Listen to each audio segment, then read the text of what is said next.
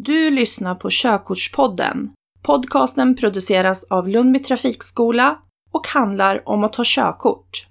Vi som pratar i podden är tre trafiklärare och en elev. I varje avsnitt diskuterar vi ett specifikt ämne. Vi punkterar myter, rättar till vanliga missuppfattningar och kommer med tips och tricks. Nu kör vi!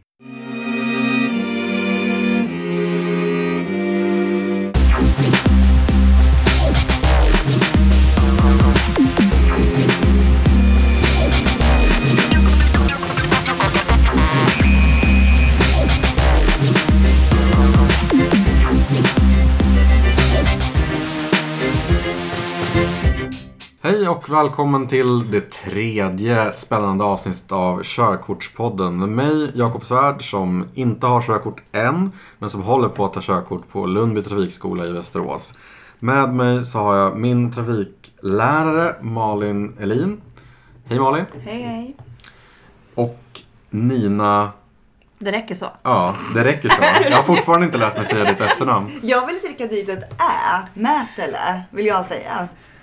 Men det är det ju inte. Nej. Det rätt? Mätele. Mehtälä. Mätele. Om man kommer hit till Lundby trafikskola som elev så är det helt okej att säga bara Nina, eller hur? Ja, vi pratar bara förnamn här. Mm. Det är inte fru Nina. Nej, fru, fru Mätele. Idag då? Dagens ämne är körkortsteori. Inte riktigt lika spännande som praktiken, tänker jag att många tänker på förhand. Men det är ju extremt viktigt att få en god förståelse för den teoretiska praktik som styr trafiken ute i samhället. Minns ni hur det var när ni började läsa teori? Liksom? Kändes det som en vägg av information? Eller? Mm. Jag pluggar permar. Mm. Så man hade olika permar som man jobbade efter. Och teoriprovet var ju upplagt på ett helt annat sätt än vad det är nu. För det var ju också papper och penna. Mm. Sen var det så att varje fråga hade flera rätta svarsalternativ. Så Okej. på en fråga så kunde det vara fem olika eh, svar. Och alla svar kunde vara rätt. Ett svar kunde vara rätt. Eller tre svar kunde vara rätt. Och det gällde att pricka in allihopa. Mm. Så det var ju en lite helt annan nivå då än nu. Jag personligen tycker ju att det här är mycket lättare än vad det var då. Och det var ju därför de tog bort det. Mm. För det vart ju ganska, ganska svårt. Det låter komplicerat. Ja, det var det. När tog de bort det där? Det vet jag inte. Men idag då, då, då har man den här körkortsboken, eh, studiehäftet, eh, vägmärkstestet. Det är ganska mycket information att klämma in i hjärnan på tre veckor. Men det är också mycket att klämma in i hjärnan på ett halvår. Liksom. Det, det är avancerade regler och det gäller att skapa sig en god förståelse för eh, hur de här reglerna hänger ihop med varandra på något sätt. För att skapa det här samspelet som vi pratat om tidigare. Vad, vad tyckte ni var svårast att lära er liksom, regelmässigt? När, när jag skulle ta körkort. Mm. eh, Jag har ju aldrig varit någon, någon teoretiker. Mm. Jag tyckte det var alltså alltid praktiskt. Det har varit lättare för mig. Så när jag väl skulle ta körkort, jag tyckte allt var svårt med Mm. teorin. För att det fastnade inte i, i mitt huvud. Mm. Ehm, Men när man kör samtidigt, då fastnar det lättare. Mm. Men sen så måste man ju självklart plugga också. Ja, men precis, för man är med om de här situationerna som eh, det refereras till i Mm. teorin så att man Ja. kan koppla ihop det. Då får man den här djupinlärningen. För att det går ju inte bara att sitta och läsa en bok Mm. och sen förstå hur allting funkar för man måste ju se det i, i verkligheten också. Mm.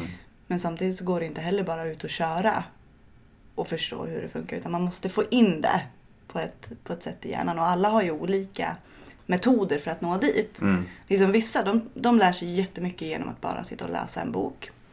Eh, Medan jag själv jag kan inte göra det för jag glömmer bort vad jag läst Mm. efter ja, en minut.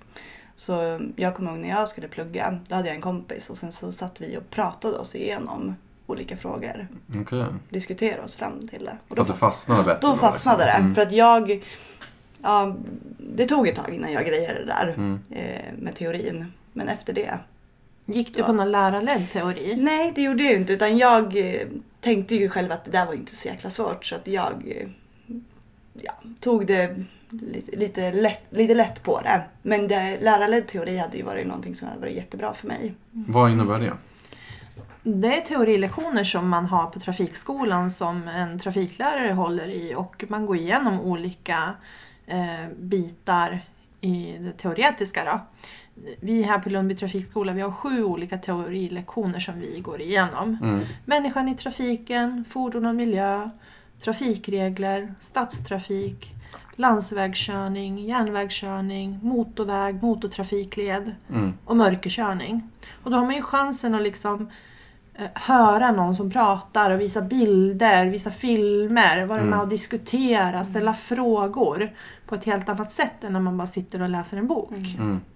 För det jag upplever nu, det är att mång, många har någon form av läs och skrivsvårigheter. Att Mm. det är svårt för folk att bara sitta och läsa Mm. själva. Och sen just att man tar sig den tiden. Mm. För att eh, det blir att många prioriterar bort det. Mm. Tänker att ja, men jag ska ut och köra. Men just att lägga tid på att plugga teori, det gör man inte. Det borde vara obligatoriskt med de här teorilektionerna att alla som ska ta körkort måste genomgå en teoretisk undervisning på trafikskolan tycker jag. Eh, Med tanke på hur många det är som vi ser som kan klara av sitt teoriprov, bli underkänd på körprovet, komma till oss och försöka få hjälp för att klara sitt körprov och ändå, ändå kunna visa så stora brister Mm. i, i teorin. Mm. Mm. Då har man bara suttit och plugga in eh, frågor. Mm. Men man, Men man förstår, förstår inte. inte. Nej. Nej. Men man, man ser det som ett, eh, ett prov vilket som helst. Liksom, Ja. Som man skulle kunna banka in Ja, informationen i hjärnan. Och den sen här så, ytinlärningen. mm, Det går in och sen går det ut. Men Mm. man har ingen förståelse för varför det är som det är. Och det är det man vill nå. mm, Men sitter man bara och pluggar, pluggar, pluggar. Hos oss får eleverna en kod till elevcentralen där Mm. man kan göra sådana här körkortstester.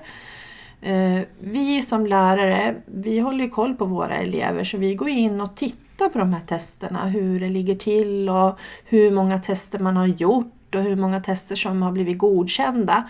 Och där kan man då se också hur lång tid ett prov har tagit. mm, Ser man då att en elev, det är 70 frågor, eh, ser man då att en elev har ganska hög andel godkända eh, svar men på väldigt kort tid Mm. malt sig igenom. Då kan man räkna att där är det ytinlärning. Mm. För då har man lärt sig vart man ska klicka för att det är rätt. mm. Och då, går det att bli en bra förare ute i trafiken om man har gjort på det sättet? Svårt. Mm, För det man märker oftast det är ju att när man väl kommer ut och kör i bilen. Ja, men man, man ser att man har läst teori men så märker man rätt så snabbt att förståelsen den finns inte riktigt där. mm, Man kanske känner igen ett, en, ett vägmärke mm, men man förstår inte riktigt varför det är placerat just där. mm, Vad, vad det innebär för, för faror just här då.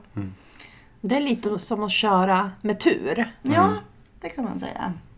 Sk- Skulle ni säga att det är liksom att om man, om man pluggar på det här viset och liksom bankar in frågorna i hjärnan under en kort tid, gör provet, klarar sig med en mindre eller större marginal och sen liksom känner ganska omgående efter att man har klarat av teoriprovet att man inte kommer ihåg så mycket.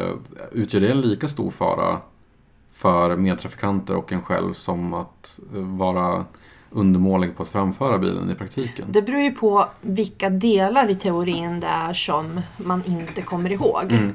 Det finns ju delar där som jag kan själv tycka är lite oväsentliga och liksom kunna i, i dagliga körningen. Vilka är de mindre viktiga delarna? Ja men för mig spelar det ingen roll hur mycket last en, eh, släp får dra eller Det är min, det är min hatsektion också. Ja.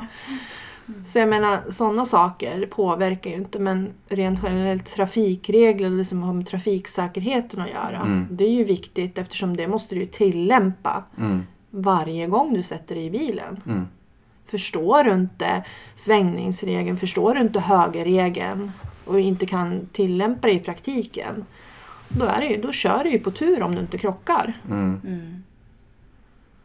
Precis, och då ska man ha en jäkla tur om man, om man liksom kör utan högregel och utan svängningsregel. Ja, men precis. För Och då kommer det ju smälla förr Ja. eller senare. Mm. Parkeringsregler, de här skyltarna, de här kombinationerna av alla skyltar som kan vara, det kan ju också vara väldigt svårt att lära sig. Mm. Ja, men i, när du väl har fått körkort, ja, men parkera där du förstår hur du ska parkera. Mm. Så jag menar, det är ju inte, fa- det, det är ju inte farligt. Mm. Men jag tänker, det, det finns ju en uppsjö av sådana här eh, appar och eh, liksom digitala verktyg idag som säljs till en mindre eller större peng på nätet där man, eh, kan liksom, där man sägs få en liksom, komplett förståelse för att köra bil. Ehm, den teoretiska aspekten av att köra bil. Ehm, finns det några liksom fällor här eller är alla de här apparna jättebra? Det beror på vem det är som utvecklar dem. Och Mm. det måste man ju då försöka ta reda på vad, vem det är som står bakom utgivningen Mm. av den. För att det kan ju vara felaktig fakta i frågorna. Jag har testat några appar, nu kommer jag inte ihåg namnet på dem. Eh, Men jag har mejlat in till dem och skrivit det liksom att hur kan ni ta betalt för någonting där, där det är liksom felaktigt. Mm. Mm. Jag har inte fått något svar. För det vet jag flera elever också som har ja, men köpt såna här appar. Så nu har de tagit med sig frågor till mig för att de, de förstår inte. Mm. Ehm, och när de visar frågorna, det är helt, alltså helt fel. Mm. Allting. Och det sitter de och pluggar in då. Mm. Så att man, det gäller ju verkligen att man är, kollar upp. Var, var kommer det Ja, ifrån? för, för, för när jag skulle börja ta körkort, jag fattade ju inte att det inte bara fanns en officiell liksom, teoriapp. Eller liksom att man alltid måste förhålla sig till en officiell källa. Det finns ju hur många som helst. Mm. Och du behöver inte vara inskriven, du behöver inte gå och köra på en trafikskola bara för att få hjälp med teorin. Utan Mm. trafikskolan kan ju hjälpa dig även med teorin. Eh, våran elevcentral, den, den kan man ju komma till om man övningskör privat. Komma Mm. hit och, och köpa de här testerna Mm. och göra dem hemma. Så man blir inte bunden, men man får ju hjälpen från oss. Mm. Ja, för det är ju som den appen vi använder oss av. Mm. Det är ju det är ju rätt fakta. Det är ju från Sverige. Sveriges Ja, trafikskolors riksförbund som Mm. står bakom det. Ja. Så det är, Så om man ska vara helt säker, ska, är det elevcentralen man ska Ja. använda då? det är det. Mm. Kan, man, kan man skaffa den som privatperson? Ja. Det är man, bara att ladda ner? Nej. nej, eh, man måste gå till en trafikskola. Mm. Men du kan, behöver inte vara, köra på trafikskolan för att få tillgång till den. Utan Okej. vi säljer ju den för 250 kronor. Mm. Då betalar man det och sen får man en inloggning. Och då är man helt säker på att alla frågor och sånt är uppdaterade Ja. enligt de officiella Ja. lagarna. Och den är kopplad till ett personnummer så att Mm. man måste uppge sitt personnummer när man skaffar den. Och det är för att också vi ska kunna gå in och kolla Mm. eh, hur det ser ut. Och att man inte delger information till någon annan. Men under era trafiklärar respektive trafiklärarkarriärer då, vad är liksom de vanligaste problemområdena ni har stött på hos elever som ska lära sig teorin? Vad är svårast teoretiskt att lära sig? Finns det några särskilda? Det är ju trafikregler eftersom den är ju den stora liksom, området. Mm. Det är ju flest frågor som handlar om trafikregler. Men sen är det inte det eleverna kommer och ber om hjälp om. Mm. Utan det är oftast fordonsfrågor, hur man beräknar ut eh, reaktionstid och bromssträckor och sen det här med vikt och last. Mm. Det Man som har lite med vara- matte att göra. Ja, man behöver vara lite av en matematiker när man sitter Ja. framför ratten. Mm. Men eh, det här ehm, med mi- miljö och sådär. Alltså, mm, jag tänker att det, det, är väl, det är väl inte så viktigt, eller? Klart det är viktigt. Mm. Det måste vi ta upp för det, det är även en del i kriterierna vid bedömningen på, på körprovet Mm. och på teoriprovet. Mm. Så att eh, jag menar, stå med bilen i tomgång, hålla på och skrapa rutor. Alltså vi måste göra det vi kan. Mm. Eh, för det är ett globalt problem. Mm. Växthuseffekten. Precis. Mm. Och därför är eco-driving någonting som man Ja, bör... vi kallar inte det för eco-driving och det får man Mm. inte göra i en körkortsutbildning för någon som inte har körkort. Mm. Utan eco-driving det är ju ett registrerat varumärke. Okej. Så sparsam körning eller miljökörning kallar vi det då. Är det någon mer skillnad? Ja, än- det är lite olika tekniker som man ska använda då på eco-drive. Du är välkommen tillbaka så kan Ja, vi testa. Men, men eh, överlag då, tänk, tänk att man har haft körkort hela livet eh, och inte riktigt hakat med den här eh, miljökörningstrenden eller vad man ska kalla det. Mm. Mm. Vad ska man göra för att köra mer miljövänligt? Eh, man ska försöka undvika att åka på så låga växlar som möjligt. Mm. Alltså man ska ha höga växlar till den hastigheten man har. Hoppa växlar. Kanske inte behöver använda treans växel. Mm. Utan gasa på med tvåan, hoppa över trean, gå direkt till fyran. Eh, vid lutningar, nedförsbackar, släpp på gasen, låt bilen rulla. Mm. Och framförallt när man ska börja bromsa, eh, släpp på gasen i tid Mm. och låt motorbromsa ner. Och många i den äldre generationen tror ju att motorbromsning nu, det är ju att man eh, kopplar och växlar ner Mm. och eh, jobbar upp med kopplingen och låter bilen liksom motorbromsa på det sättet. Mm. Medan vi lär att släppa på gasen och låt bilen... Så sköter naturlagarna Ja, resten mm. liksom. Sen kan vi växla ner. Mm. Mm. Och sen handlar det ju väldigt mycket om att bara planera körningen. Mm. Ehm, försöka hålla bilen i rull så mycket som möjligt. Och undvika start och stopp. För att så fort vi stannar bilen förlorar vi all rörelse, rörelseenergi och så måste vi bygga upp den igen. Mm. Och det tar ju mer kraft. Ja, precis. Gasa fram till rödljus där Ja. du ändå måste stanna. Sticka iväg, bromsa. Mm, den här ryckiga körningen. Mm.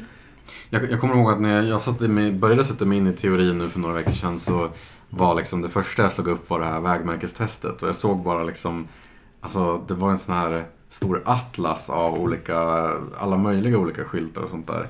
Men det har ändå inte varit ett sådär jättestort eh, problem att, att koppla det där för många skyltar är ju ganska självklara. Ja. Eh, varning för gris till exempel. Det ser man, det ser man liksom. Gris? Ja men det är ju ett Inte vildsvin. Ja, precis. Men sen är det ju liten också- griskulting Ja. här. Varning för Pumba. Men det är ju också med eh, skyltarna. Mm. Vissa skyltar, alltså, jag har aldrig sett dem när jag har varit ute och kört på vägarna. Eh, sen finns det ju de som är mer vanliga som man ser dagligen och det är klart att de kommer man ihåg Mm. mera än de man aldrig ser. Dyker det upp nya skyltar på vägarna? Ja, det kommer det.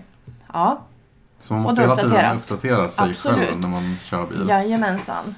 Det är bara att börja prenumerera på sån här automotorsport eller gå, gå med i Motorvänner så får man information. Annars är det liksom för allmänheten att ta reda på det själv. Gå in på Trafikverkets hemsida och eh, söka information. Mm. Eh, Den här skylten som med sammanvävning, blixtlåsprincipen. Det är många som inte vet. Blir det svårare och svårare att lära sig teorin? För som jag har fattat det när jag har läst på om hur liksom de svenska trafikreglerna har eh, skapats så var det liksom, ja men eh, bilen slog ju igenom liksom i början av 1900-talet, slutet av 1800-talet och eh, ganska kort efter att den slog igenom så fanns det liksom eh, många tusen fordon på vägarna i Sverige och det började hända olyckor och då kände man liksom, tidigare var det ju liksom ganska oreglerat. Alldeles i början där när bilarna gick i 15-20 km i timmen så fanns det liksom inte så många mer regler att man, än att man skulle liksom tuta på en tuta eller mm, liksom slå i en klocka eller det fanns olika metoder i olika länder för att varna för den här märkliga bensindrivna maskinen som kom farandes liksom. Ehm, men eh, sen dess så har ju bilen multiplicerats eh, oändligt antal gånger. Finns så många bilar som helst, känns det som ibland. Eh, Regler ändras ju sällan. Alltså, mm, det ju, eh, man kan säga att det som har ändrats den senaste tiden eller de senaste 20 åren det är ju hur man kör i cirkulationer mm, och reglerna för det. mm. Hur körde man i cirkulationen förut? Förut, så, ja, men när jag tog körkort, då skulle man ju bli lärd som att eh, cirkulationen var som en korsning. Mm. Att åkte du rakt fram, ja, men då behövde du inte blinka eller någonting. Okej, det är därför så få blinkar ut sig i Ja, jag rondeller. tror det Mm. fortfarande. Men sen är det också ren lathet. Mm. Ja. Men nu betraktas eh, cirkulationsplatser som eh, det är ju raksträckor i två- strikt juridisk Ja, mening. det är Liksom. två, två körfält. Mm. Enkelriktat kan man säga. Och det är därför det är så viktigt att, att blinka och titta i döda vinkeln när man byter körfält där också. För det Ja. är som att köra på en vanlig gata. Ja. Mm. Bara att det går runt, runt, Ja, runt. man gör ju en, en sidoförflyttning. Ja. Ja.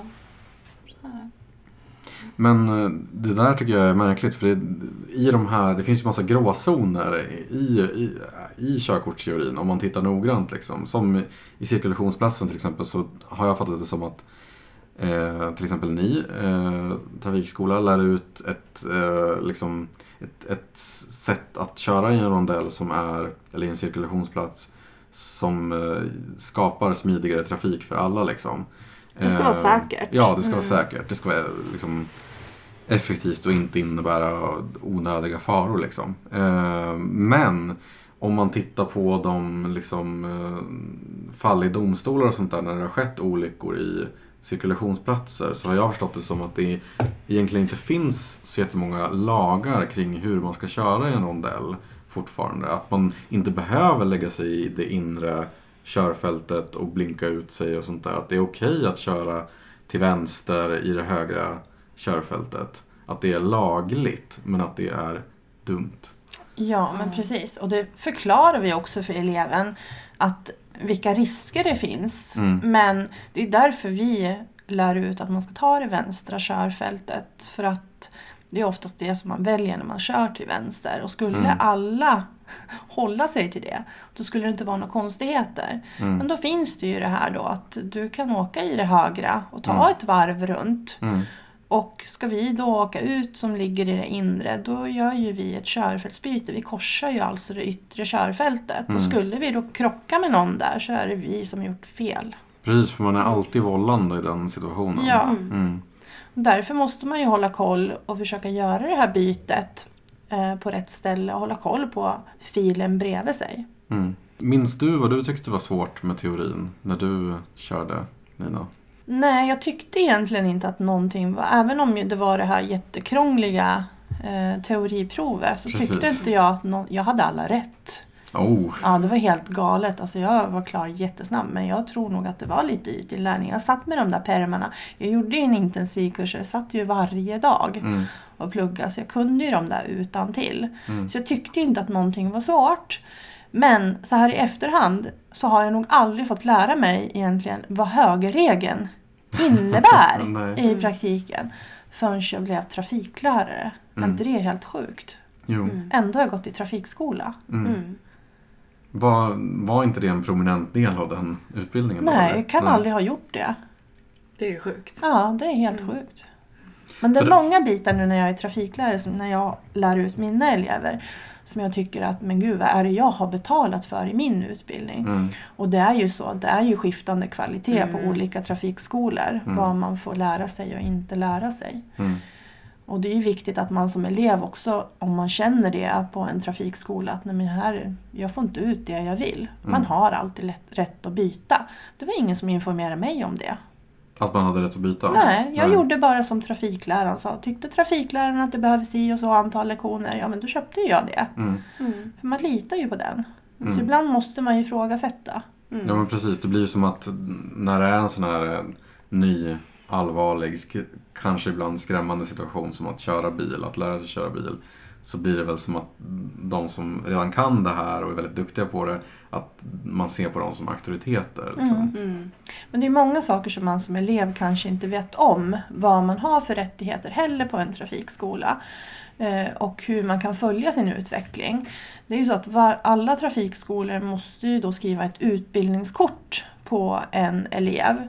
Och det, det är som en liten dagbok där man skriver då vad, vad man har gjort under lektionen och hur det har gått och vad man behöver öva mer på, om man är godkänd på de här momenten som man gör. Säg att du idag ska hålla på och parkera, backparkera. Ja, då får vi se efter lektionen, klarar vi av det? Mm. Eller behöver vi träna vidare på det? Mm. Så att där har man ju rätt att följa sin utbildning. Hos oss gör vi det här digitalt så att man kan ju gå hem, logga in på sin elevcentral och läsa där då kommentarer vad, vad läraren har skrivit. Och så kan man ifrågasätta det. Mm. Någonting som jag har tänkt på för att återknyta till dagens ämne med körkortsteori. Det är ju att eh, en impuls man kan få under sin körkortsutbildning är att se teorin som någonting som man tar sig igenom och sen lämnar det här. För då kan jag köra bil, då kan jag alla regler liksom. Eh, men nu har jag börjat se på det som att den här körkortsboken som man har, som man får under utbildningen och tittar i för att lära sig alla de här reglerna, den kommer jag ha framme i min bokhylla sen Mm. för att kunna gå tillbaka till. Wow. Ja, nej men alltså det, det känns som... Jag eh, tror folk är snabba på att sälja den på köp och och Ja. säljsajterna. För det, när man ger ut det här bokpaketet, då har man ju ett studiehäfte där man ska skriva. Mm. Ja, men skriva rätt svara.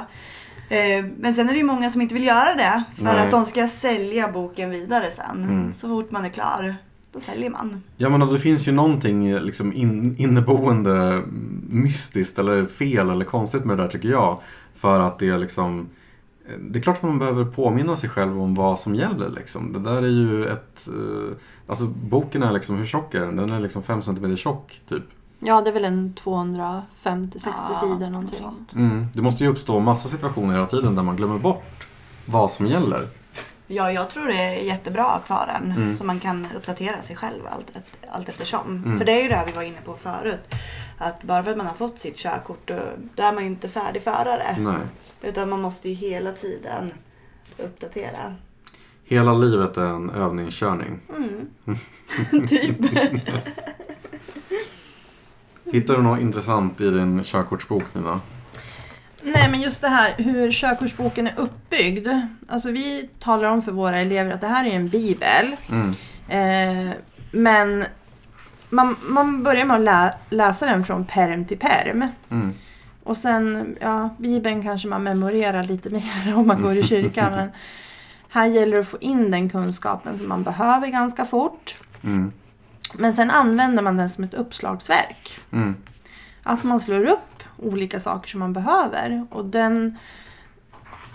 Har du, jobb, du har jobbat mycket med, med körkortsboken. Har, Mm. an, har du fått nytta av de här små orden som, som står bredvid texten som gör att du snabbt kan, kan hitta det du söker i boken? Hela tiden. Ja. Alltså så fort jag letar efter någonting som jag inte kan så bara så här. Då minns jag ungefär vad det, vad det var i boken någonstans, vilket kapitel och sen så bara skummar jag med fingret liksom. Så det är ganska lätt att hitta. Ja, när man precis. lär sig tekniken Ja. för det. Ja. Och det, det tänker jag är någonting som jag, liksom, om jag hamnar i en osäker situation i framtiden, liksom, då kommer jag gå tillbaka och kolla upp sådär. För att veta vad som gäller. För jag tänker att det är ju en process som att få en fullgod förståelse för allt som står i den här tjocka boken. Det är ju någonting som tar mer än en månad. Ja, ja, ja, ja. Absolut, så är det. Körkortsboken är ju en komprimerad version av den här trafikförfattningen som jag sitter framför mig Mm. med nu. Så att när vi, Den var jäkligt tjock. när vi studerar till trafiklärare Mm. så är det alltså en bok på över tusen sidor. Ett, du sitter nu och bläddrar på sidan 1015. Ja. Ja. Och den är då nerbruten till körkortsboken som är på två, ungefär 260 sidor. Mm. Så att eh, det är lite skillnad. Är På- den här, eh, är den här, ja precis, den här, den här kanske man skulle kunna liksom, körkortsboken kanske man skulle kunna liksom schasa iväg någon med, men den här skulle, den här trafikförfattningen skulle man kunna klubba någon med liksom. Det är verkligen en lunta. Men, men eh, jag tänker, det, det var också en sån här grej jag tänkte på under min teoriinlärning då, att, att en, en annan risk med att bli för besatt av teorin kanske är att man blir en paragrafryttare eller Ja. rättshaverist och liksom börjar konsekvent hävda att jag har läst det här, eh, det här gäller, du gjorde fel. Är det ett bra sätt att förhålla sig till trafik på? Nej. För Nej. att trafiken, den är, det är inte bara svart eller vitt. Utan ibland hamnar man i gråzoner. Mm. Då man inte kan hålla på, på reglerna för att då blir det olyckor. Mm. Utan det handlar ju om samspel då. Mm. För att alla gör ju fel i trafiken någon gång. Och då måste man ju vara en god medtrafikant och kunna hjälpa, hjälpas åt. Mm. För att rätt som det är så kommer du själv hamna i en situation som du inte har planerat. Mm. Och då räknar du med att de andra hjälper dig. Eller inte räkna med, men man hoppas ju på det i alla fall. Så på något sätt så även fast det liksom handlar om lagar och regler så är den huvudsakliga prioriteringen man bör ha hela tiden att inte liksom vålla en olycka. Alltså om man kan bryta mot en regel som gör att man undviker att vålla en olycka, då är det en bra bryt, Ja, brutit men regler. självklart. Ja, Det, ja, är- det är ju vårt Ja. mål. Vi vill Mm. ju inte vara med om olyckor. Nej. Vi är inga robotar som Nej. sitter och kör. Nej. Utan vi, har ju, vi måste ju tänka och ha Mm. lite sunt förnuft också. Mm. Så att de här paragrafryttarna de kan ju bli riktigt farliga i trafiken. Mm. De gör allting som, som man ska enligt regelverket men det passar inte in i trafiksituationen som, som är just nu. Mm. Och då blir det en fara istället.